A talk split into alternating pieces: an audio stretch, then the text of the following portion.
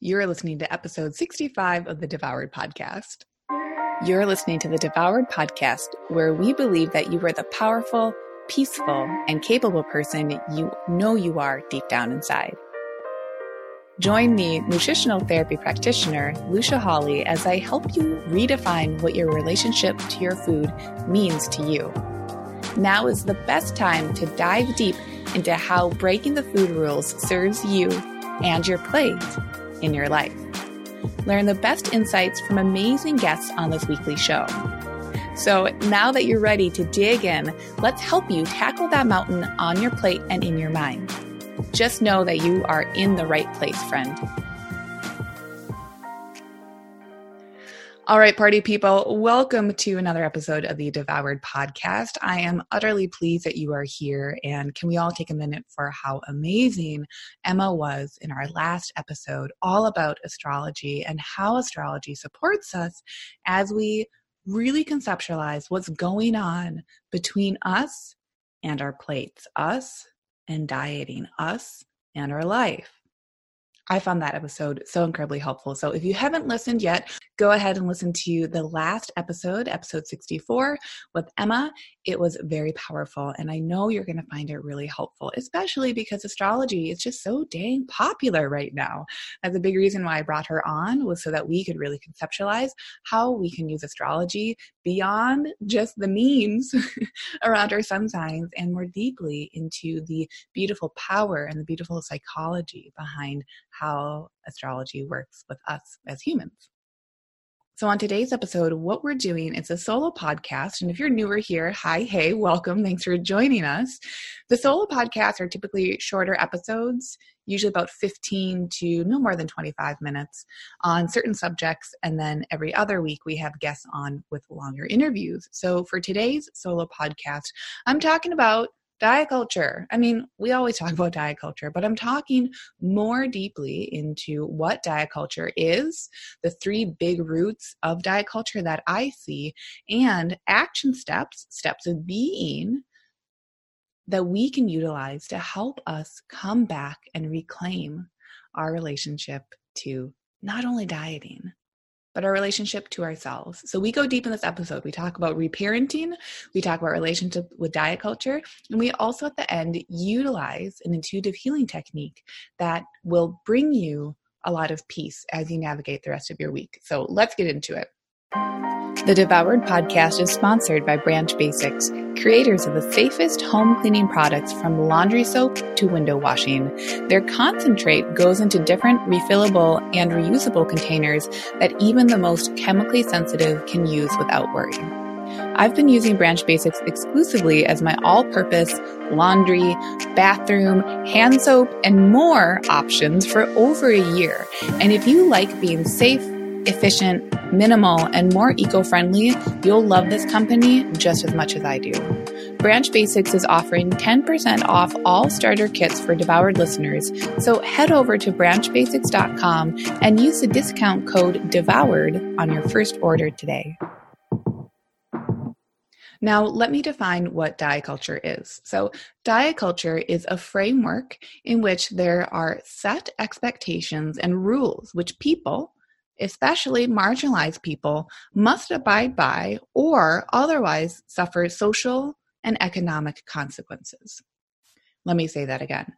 Diet culture is a framework in which there's a set of expectations and rules which people, especially marginalized people, must abide by, otherwise, they will suffer social and economic consequences. Now, then, Hearing all of that, I want to tell you right now at the tip top of this episode that diet culture is optional. And diet culture will never tell us this because diet culture is a paradigm created as a byproduct of power and control culture.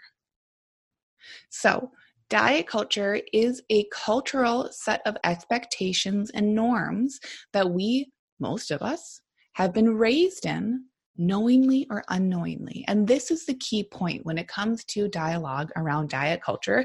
And I'll have an episode coming up soon about anti diet culture because I think that also deserves some time to explain and chew on and think on.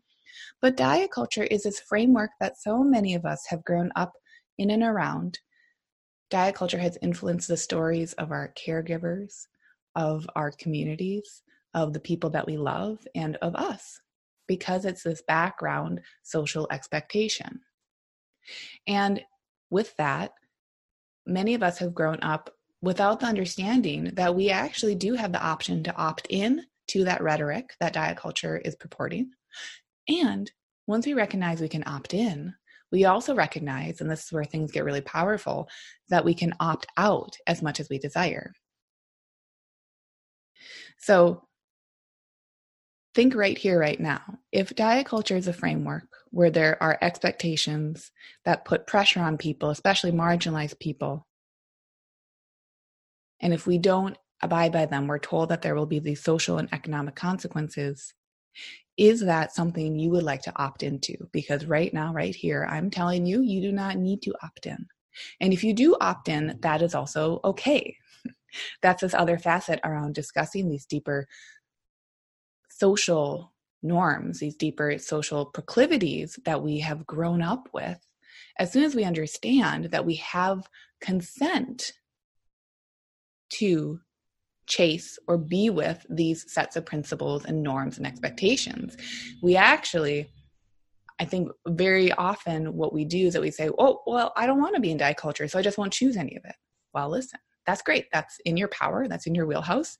But all we're doing here is recognizing and naming things for what they are. Because as much right as we have to step away from diet culture, which is what anti dieting culture tells us, which is awesome, we also have as much right to continue to be in diet culture and to continue to purport the messaging that diet culture carries forward. And if right now you're hearing that and you're like, yeah, but I don't want to, that doesn't align with me. If diet culture is this thing that's putting pressure on people, I don't believe in that. That is your core value system coming up and chirping and saying, hey, these things that I now understand are sets of actions that have intentions that are deeper culturally than what I recognized do not align with my core values. And if you want to learn about how to identify those core values, if you don't have names for them, please go to the show notes and I link you up to the episode all about core values that was just from a few months ago. I have a great exercise in there to help you identify how to define your core values. So if you're in a space right now where you're saying, oh my gosh, wait, diet culture is a set of things I don't totally believe in, and I'm going to be stepping away from them. But wait, I also get to choose into them if I want to, but that feels bad because they're upholding these social structures that I don't believe in you're doing the work. So I'm going to switch gears right here and define three roots of diet culture that I also want you to be thinking about this week. The first, which I have touched on, is systemic oppression. So let me define that a bit more clearly. Systemic oppression is one of the roots of diet culture because systemic oppression is a form of identity management. Systemic oppression is a mistreatment of people within a social identity group, supported and enforced by society and its institutions solely based on a person's membership in a social group. Now, let me clarify that one person may have intersecting identities that have been historically oppressed. So, cultures of dieting aim to keep people oppressed in small, medium, and large ways with or without the person's consent. The second root, and we'll, we'll go more into that in a second, the second root of diet culture is good versus bad rhetoric. Diet culture sustains a paradigm of good versus bad, clean versus unclean, right versus wrong, all versus nothing. So, when we're engaging in dieting behaviors, and there's a difference between choosing a diet, being on a diet, willingly, unwillingly. There are all these underpinnings of why we're coming to different choices. So that's all we're doing here in this episode is that we're exploring well, what are the choices I've been making? Do I want to keep showing up to them? You very well might. You might love the choices you're making. That's awesome. And if you don't love them, that's also awesome because it's brought you to this moment in time that can be so powerful for you if you would like. The third root of diet culture is the awareness of our own mortality via the dismissal of our biological needs. So, diet culture encourages the hypermanagement of self due to its disintegration of the connection between the human soul, the human brain, and the human body. Now, an interconnected self can and will acknowledge that the higher self in the human body will and can radically coexist with peace. Let me say that part again. An interconnected self, a self that has that connection between the human soul, human brain, and human body, can and will acknowledge that the higher self and the human body radically coexist with peace. This is a big root of diet culture that I just want to shout from the rooftops because how often do we go on a diet that tells us there are good foods or bad foods, right? That tells us we need to lose weight because we don't look a certain way, right? And that says that all you have to do is keep aligning with your higher self who knows to choose the good foods. Don't choose the bad foods. Don't dip into sloth or laziness or any of those deadly sins. Simply dismiss your biological needs and then you will be pure and perfect. So, given these three roots of diet culture systemic oppression, good versus bad rhetoric, and awareness of our own mortality via the dismissal of our biological needs. Now, these are huge. These are huge roots, and each root could have its own university course on it. Systemic oppression is huge, it's rampant, it's so much more than diet culture. But because diet culture is a root of power and oppression and control culture, we do have to identify and at least speak to it in something like a short podcast episode. Same with good versus bad rhetoric. The good diet, the bad diet, veganism is great, veganism is bad. Carnivore is the way to go. SIBO diet is the only way to truly regain gut health all of these different pressures we put on ourselves to be more good or to be less bad, to have more of something, to be less of something else, is rooted in diet culture because it continues to put the power of choice in someone else's hand, in culture's hand, not in your hands. So, what do we do? The first thing is to identify where diet culture affects you in your life. And I will offer a spoiler diet culture affects you, I'm going to assume more if you're listening to this podcast, I'm assuming you're something you're like chewing on and trying to figure out, okay? Diet culture affects you more than just on your plate. So, what feeds you and your life? It's more than just the food on your plate. It's your relationships. It's your relationship to stress. It's your work. It's your sleep. It's the socialization that you've grown up in. It's your future. It's where you want to be going. Every choice you make is what feeds you, figuratively and literally, but figuratively as well in this sense. So, diet culture can affect your life with any choice that you are making. And this is where the reparenting of self comes in. Now, if you're anything like a lot of adults, we all, I think, can come to a point in our lives, whether that's at age 13, 18, 25, 41, 52, whatever age it is, we can very much come to a consensus that how our parents or caregivers raised us is how they raised us so many of us can resent how we've been raised or feel like we weren't given enough, we weren't given the right tools, we were raised in a way that was overbearing, we weren't allowed to express ourselves, we couldn't be our true selves, and we've had to navigate our lives as adults because of these injustices that we have been served because of a lack of parenting or a lack of correct parenting or whatever stories we put on ourselves. But I think a lot of us come to a point in our lives where we can recognize our parents or caregivers did the best with what they could. And as such, we now have the capacity to have informed consent to make choices in our lives that serve us instead of repeating the story of hurt and pain and victimhood that has been playing in our heads. The same thing, and that's reparenting right there. We're holding the hand of the child who was not given what that child deserved. We're holding their hand as an adult now, and we're holding the hand of the inner child and saying, I see you, I feel you, I hear you, and you are supported.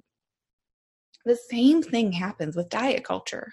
once we understand that we have had uninformed consent to the choices and actions and the paradigm and games that diet culture plays at large and at small in our life, we then also get to understand that now we can have informed consent because of this education.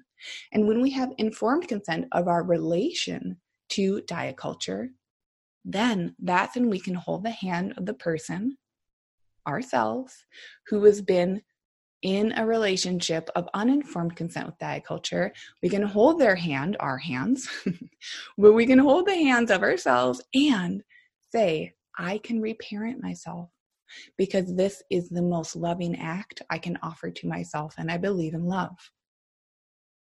I think that's really, really powerful because the concept of reparenting is also honestly it's trending right now which is so incredible there's this wave of change makers who are recognizing that the hurts and issues that they keep coming back to the diets they keep coming back to the lack of being enough that they keep coming back to is only a story and when we recognize it's only a story, we can feel pain and frustration and anger. But we can also feel informed consent to continue to show up to the story or to allow the story to dissolve and understand the role it's played in our life up until this moment. The same thing occurs with diet culture. So, because of that, I'm going to bring you to our action steps for today. And because action is empty without being, I want you to think of these action steps as steps of being, okay? Because if all we're trying to do is just do one more thing, to me, that comes back to diet culture, right? Do one more diet, do the diet harder, do it for another day. Oh, you fucked up. Okay, just do it again. We're changing the dialogue, we're changing the interaction. We're saying, what happens when we be? What happens when we allow ourselves to be ourselves, to be ourselves more fully, and to be ourselves with the recognition that the stories can melt away if we so desire? So, this homework, these steps of being, is a practice in an intuitive healing technique of expansion and contraction. I find this intuitive healing technique very powerful and very simple. It's one of those ones that isn't, to me, it isn't overwhelming. Sometimes these things can seem so overwhelming. Everything we've just talked about in this episode is big. these are some big ass subjects, okay? They're deep. But what we can do is start to chip away very gently and go as fast or as slow as we desire because that is that reclamation of reparenting ourselves, reparenting our connection to diet culture. So, this intuitive healing technique is expansion and contraction. And what you do, and this can be around your plate, around your food, around the next sip of coffee you take, next drink of water, when you go pee, when you have to make a decision at work or at home, whatever. Start with wherever you can start. What you're going to do is when you are making a choice, when you're deciding to take an action, you are going to ask yourself Do I feel expansion with this choice? Do I feel a sense of ease, a sense of lightness? What am I visualizing? Is there more? Or do I feel a sense of contraction? Do I feel less? Do I feel a sense of lack? Do I feel like I am becoming tighter? Do I feel like there is less occurring because of this choice? And what we're doing here is that we're taking these actions, which are part of our analytical left brain, and we're coupling them with our creative emotional right brain by asking to notice the sensation of feeling that is occurring when we're making these choices. That is strengthening the bond between our left and right brains, and that is intuitive healing. There can be a split between our left and right brains. That's a lot of, for a lot of us, that's what's occurring in diet culture, is that we're trying so damn hard and we feel like we're getting nowhere. Well, trying and feeling are two different things. So, this week, as you're making different choices, as you're taking different actions, as you're taking the same actions, whatever it might be, Start to insert this activity, this healing technique of asking yourself, Am I feeling expansion or am I feeling contraction? And what would I like to do with that answer? Because you have the right to feel as much expansion as you want, and you have the right to feel as much contraction as you want. So often with this exercise, people say, well, all I need to do is just choose expansion all the time. And sure, if that fits into your ideal life, do that. But part of reclamation, of reparenting, is also recognizing that it's kind of this dark side. You have every choice and right to choose what gives you contraction. You can choose expansion or contraction. There are no rules. There is no good or bad. And if you're feeling that good or bad rhetoric, that comes back to diet culture. So do the homework this week. I implore you to. It is such a powerful exercise and it is simple and it works with you because you choose where you ask yourself. Am I feeling expansion or am I feeling contraction? Do the homework, hit me up on social media, listen to the core values episode that I'll link in the show notes, and get after it. Thanks for listening to the Devoured Podcast. Jump into the show notes for this episode and all past episodes at devouredpodcast.com. And if you love the show, please take just two minutes out of your day today to leave a review. This helps us so much in spreading the word. Consider also sharing your favorite episode with a friend. Let's get food liberation for all, and we'll see you on the next episode.